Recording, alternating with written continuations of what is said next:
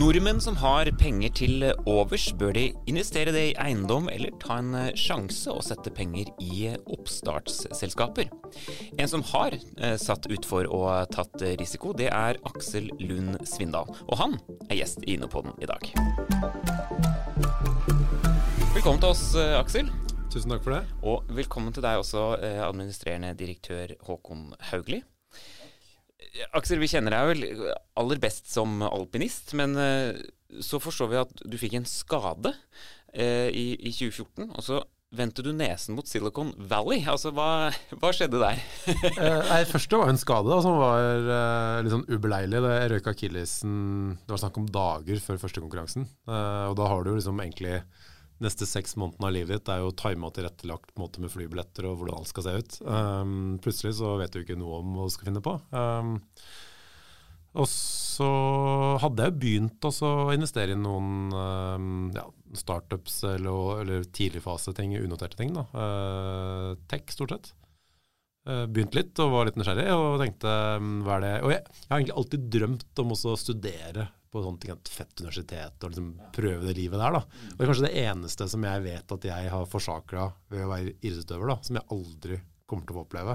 Du kan jo alltid, du kan jo stikke som 40-åring, på en måte, men det blir ikke det samme. Da når du, da er du ja, du er ikke helt den modusen som de andre studentene er i. Så Det er noe jeg, så jeg, det første jeg tenkte, var at det hadde vært kult å oppleve et sånt miljø. Og, men klart, det er ikke akkurat en à la carte-meny, og så bare bestiller du to måneder med universitetsutdannelse. Så det var litt vanskelig å få til det. Men det som dukka opp, som mange snakka om, var altså Bay Area, Silicon Valley. Uh, stikk dit. Uh, jeg kjenner noen folk, du blir kjent med noen nye. Så jeg reiste Jeg fikk veldig bra hjelp av Innovasjon Norge også. Det var, um, det var rett og slett dødsplass. Jeg var der en måned og hadde vel kanskje ja, la oss si en tredjedel av møtene jeg hadde, eller kanskje mindre òg, var satt opp før jeg kom dit. Og så blir du kjent med mye folk. og så dro jeg egentlig bare rundt der og prøvde å bli kjent med Eller ikke prøvde å bli kjent med folk, for det blir du kanskje ikke på en måned, men i hvert fall over, ja. ja, det blir, blir litt overflatisk, men i hvert fall prøve å forstå litt uh, hvordan ting er der, da, versus det er, hvordan det er i Norge, og hva eventuelt jeg kan lære av det, eller uh, ja, la oss inspirere litt, kanskje. Mm. Hva, hvor kom liksom den interessen da for uh, investering, oppstartsselskaper og, og tech-selskaper og, og, den reisen der? Hvordan, hvordan skjedde det?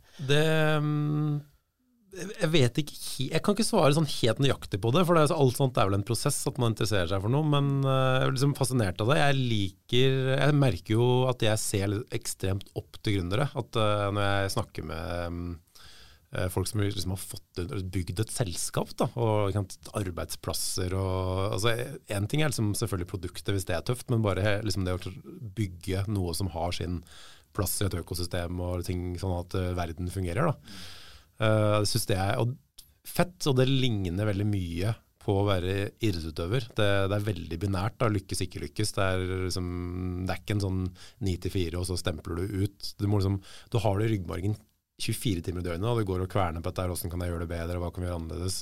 Uh, fordi at utfallet er enten så funker det, eller så funker det ikke. Altså, det er ikke helt sånn, men i veldig stor grad er det sånn. Og det er det også idrett. da. Du, det er skyhøy Eh, de aller færreste lykkes. Men reisen i seg sjøl er såpass kul at det er på en måte verdt å prøve. Da. Og mm, der har vi kanskje til å gå på at um, som idrettsutøver så får du jo i mye større grad lov til å prøve, og ikke alle lykkes. Uh, gründere er verdt Det er litt mer sånn ja, funka det ikke, på en måte. Ja, det var det jeg sa, du burde gjort noe annet. Um, men da er det jo ingen som kommer til å skape disse selskapene som vi skal leve av framtida, hvis vi tar den approachen. Altså, eh, jeg syns kanskje at eh, man kunne trengt litt sånn idrettsmentalitet i, eh, i næringslivet på akkurat den biten. At hvis vi skal liksom få noen ordentlige kall det vinnere, eller ja, noen ordentlige suksesshistorier, så er det noen som også må få lov til å mislykkes på veien. Så heie, heie på liksom hele mentaliteten mer enn bare de få som går hele veien i mål. Ja, Og så er det jo litt risiko forbundet med både det å drive idrett og investere i oppstartsselskapet. Hva, hva tenker du om den risikoen når det gjelder liksom det, det, å ta de investeringene som skal til for at oppstartsselskaper skal vokse og lykkes? Jeg tenker, altså I starten så tok jeg relativt stor risiko fordi at jeg, ehm, som nevnt, ikke hadde noe utdannelse, så jeg har heller ikke noe studielån eller noe av den type ting. Eh, og så bare gønne på, liksom. ja, men jeg, Jeg lærer mye bedre hvis jeg har litt skin in the game. da. Så uten at det var liksom enorme beløper, så gjorde jeg mange flere investeringer i starten for å lære, rett og slett. Og satte litt på kontoen for uh, studier. Um, men um, nå var jeg heldigvis um, var jeg ikke så grønn at alle gikk og åt skogen. Da. Det var veldig mange av de som var bra. Men det går litt på mm, det, altså, Folk er jo sjukt viktige. og Det er sånn du hører og hører og hører, og du leser som du leser. Team, team, team. Men det viser seg jo gang på gang òg. Og jeg, jeg, jeg, har ikke noe tech-bakgrunn, eller det er veldig mye jeg ikke kan forstå, men det er en del ting jeg kan forstå. Um, og i et selskap, et lite oppstartsselskap, eller om det på en måte har kommet et stykke ned i veien, men uh, det ikke på en måte er uh, mange hundre ansatte og langt, langt opp, opp mot liksom et konsern, da, så kan du faktisk stikke og treffe dem. Du kan bli kjent, altså du kan få en annen innsikt enn Og jeg er ikke typen til å sitte foran en sånn Bloomberg-terminal og se på grafer som går hit og dit. og det synes jeg, jeg synes det er mye kulere å kunne jobbe sammen med folk. da. Eh, nå er det jo litt sånn sammen med folk på video akkurat nå, men mm. allikevel, det er, det er liksom energi der også som du får når du blir litt kjent med folk. Gjorde du det i Silicon Valley mye, eller? Altså? Nei, da, da, prøvde jeg jo å bli litt kjent med hvordan ting foregikk. Men ja. det var jo mer den fascinasjonen jeg hadde fått før jeg reiste dit, da, mm. for å investere i selskaper der jeg faktisk eh, kunne si at jeg liksom ble litt kjent med teamene. Da. Um, og det, det, er en risiko Altså det er skyhøy risiko, men da har jeg en formening om hva risikoen er. Men øh, om øh, ja, det, er sånne makroting som jeg syns øh, Epidemi er nå én ting, da, men om liksom Trump skulle tvitre noe og Kina skulle bli forbanna altså, Det er sånn risiko som jeg ikke klarer å forholde meg til. Så selv om den faktiske risikoen nok er større i mange oppstartsselskaper, at dette her kan bli null, mens hvis du har pengene i et annet fond, så kan det liksom gå kanskje ned 40 da. Men jeg vil heller ha stor risiko som jeg har en formening om hva er, enn en sånn risiko som er egentlig lavere, men det er sånn mørkt hull som jeg ikke helt uh, forstår meg på. Håkon, hvor viktig er det at folk tar den type risikoen som uh, Aksel har gjort der? Altså, Norge trenger um, et nytt næringsliv. Vi trenger uh, bedrifter som etableres, og vi trenger bedrifter som vokser. Og Som følge av det trenger vi også investorer som tar den sjansen det er å gå inn i selskaper i tidlig fase og være med de bedriftene på den reisen. Og jeg tror Det som Aksel får fram utrolig godt, at det handler jo ikke bare om å passivt eh, overlevere en slump penger og håpe at det går bra, men å interessere seg for hva som skjer i selskapet. Eh, følge opp, gjøre en vurdering av teamet, eh, gjøre med sine forutsetninger en vurdering av hvor tror jeg på dette selskapet eller tror jeg ikke på det. Så jeg tenker vi trenger veldig mange flere Aksel Lund Svindaler i, i Norge som gjør, gjør det. Uh, og bakteppet her er jo alvorlig nok. Altså, vi har lykkes godt i Norge de siste fem årene med å få frem en underskog av uh, gründerbedrifter. Men vi, sammenlignet med andre land, lykkes dårligere med å få bedriftene til å vokse. Og Mye av det handler om nettopp det å få private investorer på banen tidlig, slik at de kan være med på reisen og uh, by både på kompetanse og kapital. Men er det liksom risikoervers risikoaverse nordmenn som, som, har dette inni seg, eller eh, hva tror du er årsaken til det? Altså, vi vet jo at vi investerer mye i eiendom f.eks., som er liksom ganske trygt. Nei, altså, dette har jo en strukturell forklaring. altså Det er skattemessig gunstig. Mm. Men, men, det handler jo også litt om at når vi har 100 000 da, som vi kan investere, så kan vi ikke nok. Og så vi, reiser vi ikke på den studiereisen til Silicon Valley, eller vi setter oss ikke inn i det, eller vi kjenner ingen, eller det kan være mange forklaringer forklaringer som gjør at det der ikke utløses. Nå er det jo kommet noen veldig spennende nye mekanismer, da, folkefinansieringsløsninger og sånn, som gjør at den terskelen er litt lavere. Så det har jeg tro på at her vil vi over tid se en, se en endring. Vi trenger jo de som går foran da, og inspirerer uh, til det. Aksel, hva slags uh, selskaper er det du investerer i? Altså, hva, hva ser du etter, da? Eh, hvis det sitter noen gründere og, og, lytter her nå? Ja, nå um altså Jeg sa at team er viktig, og det er dødsviktig. Uh, men team er på en måte viktig på um, La oss kalle det i eiersitsen i selskapet, også styrerommet. Um, så fordi at jeg selv ikke har hatt enorm kompetanse eller masse erfaring, så har jeg ofte um, gjort investeringer der jeg ser at det er smarte folk som jeg har Som jeg kjenner også. Det er noe med på en måte, moralen og etikken opp der også. At du kan jo gå på noen utfordringer hvor det er liksom et sånt etisk kompass også kan bli litt viktig. Da. Så det er liksom fordel å kunne kjenne, kjenne folk litt. Så jeg har ofte gått inn i selskaper der jeg ser at det er andre som jeg respekterer høyt, da, og som jeg vet at summen av da, altså ideen selvfølgelig, teamet som skal uh, drive deg framover, men også den kompetansen som sitter i styrerommet og på eiersiden, da, gjør at man har en god sjanse til å lykkes. Da, at du, du, kan dra det i riktig retning. Um, også etter hvert, så i og med at jeg ikke hadde noe tech-bakgrunn i hele tatt sjøl, så begynte jeg å samarbeide mye og gjøre mye sammen med Norselab, er, eh, hvor det er mye tech-kompetanse. Ja, Hva er det? Kan du forklare? Ja, det er, altså, det er egentlig, Før så har det vært en slags uh, co-founding-modell, hvor vi har uh, bygd selskaper sammen med Det kommer noen med en kompetanse, så det er B2B-selskaper. da, uh, kommer noen med domeneekspertise og har liksom veldig sånn dette er et problem som jeg har opplevd nå i denne industrien x antall år. Jeg mener at det her må noe gjøres. Men så trenger de hjelp til altså De har ikke tech-kompetanse, det er ikke nettverket kanskje for å hente penger på det. Uh, litt sånn, altså Profilbygging, kommunikasjon. Det kan være alt, Eller faktisk også kommunikasjonen med om det er måte, Investinor, Innovasjon altså Hjelpe de med masse av de tingene som en førstegangsgründer må sette seg inn i, da, som faktisk kan være ganske komplisert. Eh, også mens de kan da bygge produktet og vite hvordan de skal få det produktet ut i markedet.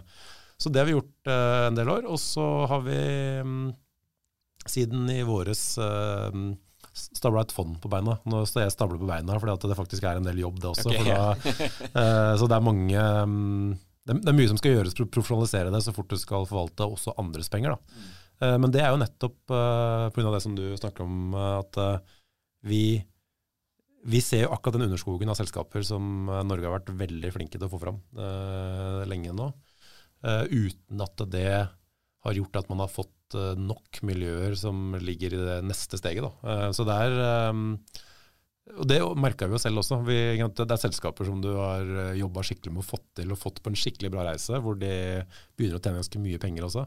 Og tenker at nå, det, nå kan vi sende stafettpinnen videre. Nå er det mange folk som har lyst til å investere i det her.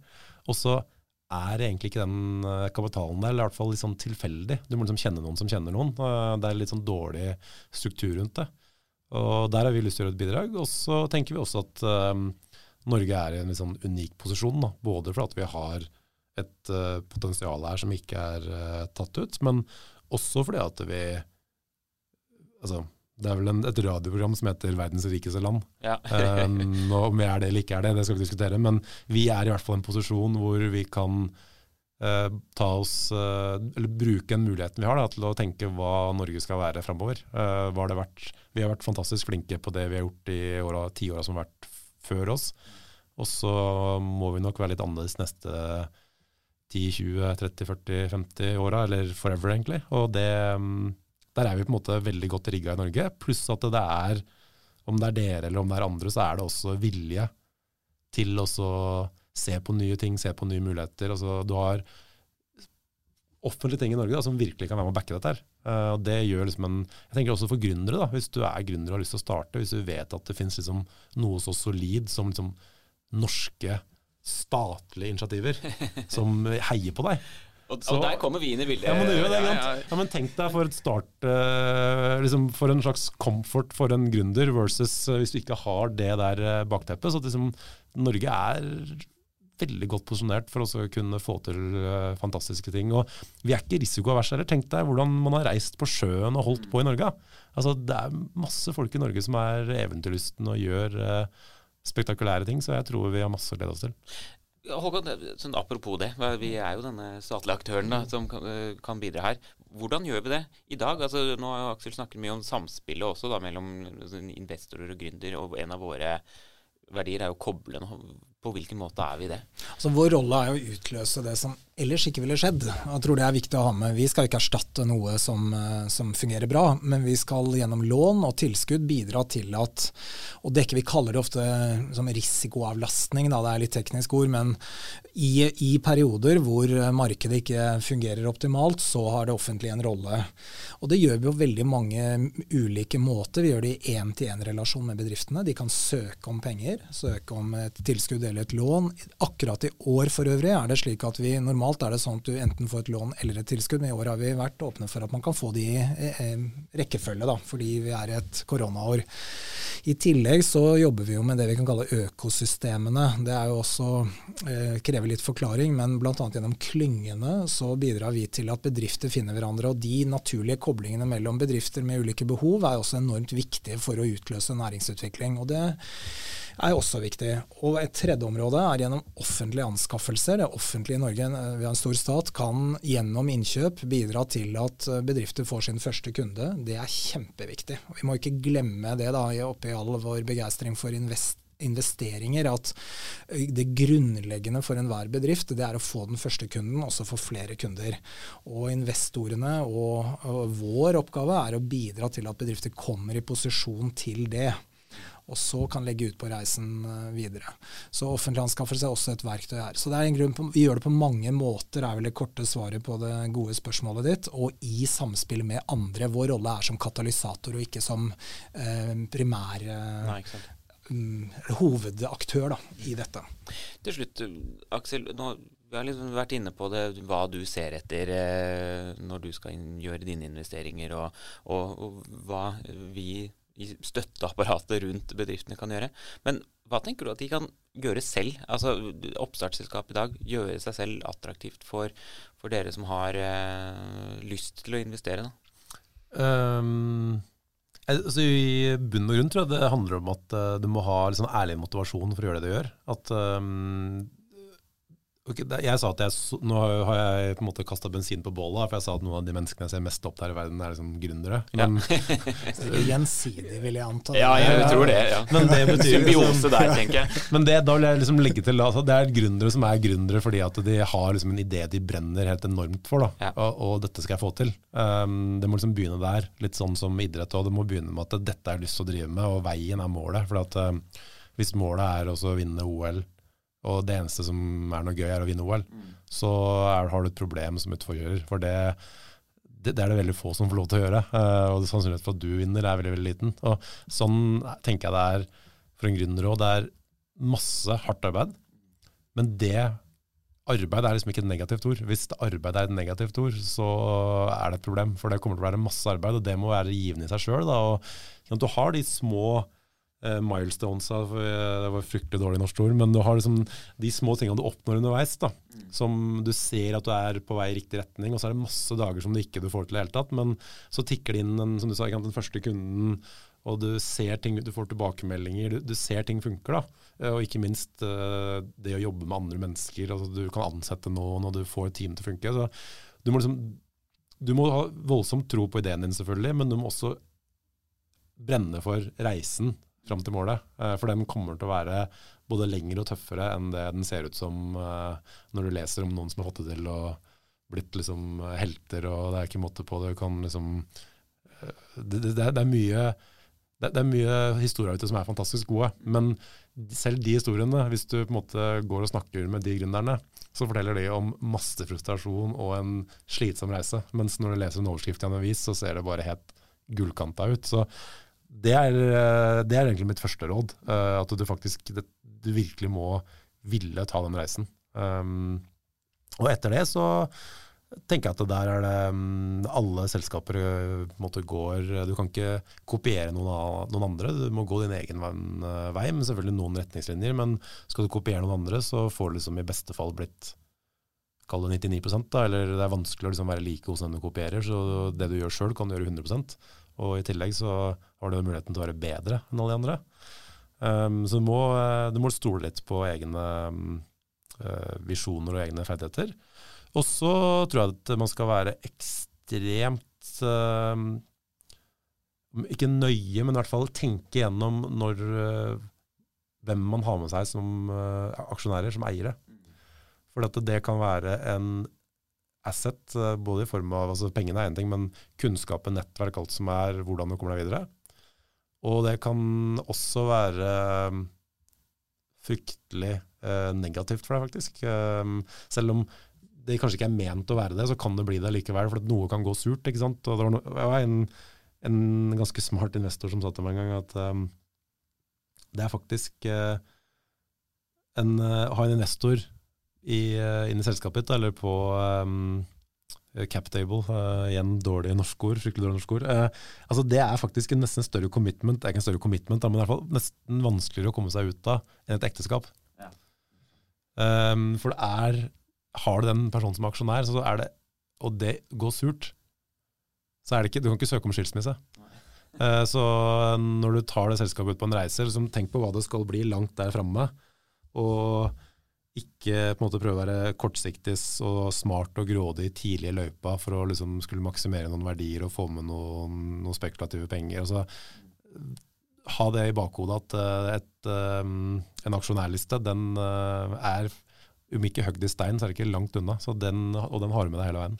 Veldig gode råd på, på, slutten her, Aksel. Det er kjempespennende å følge deg videre. Og tusen takk for at du kom til Innepodden i dag. Takk til deg også, Håkon Hauglo og Innepodden. Vi er tilbake neste uke.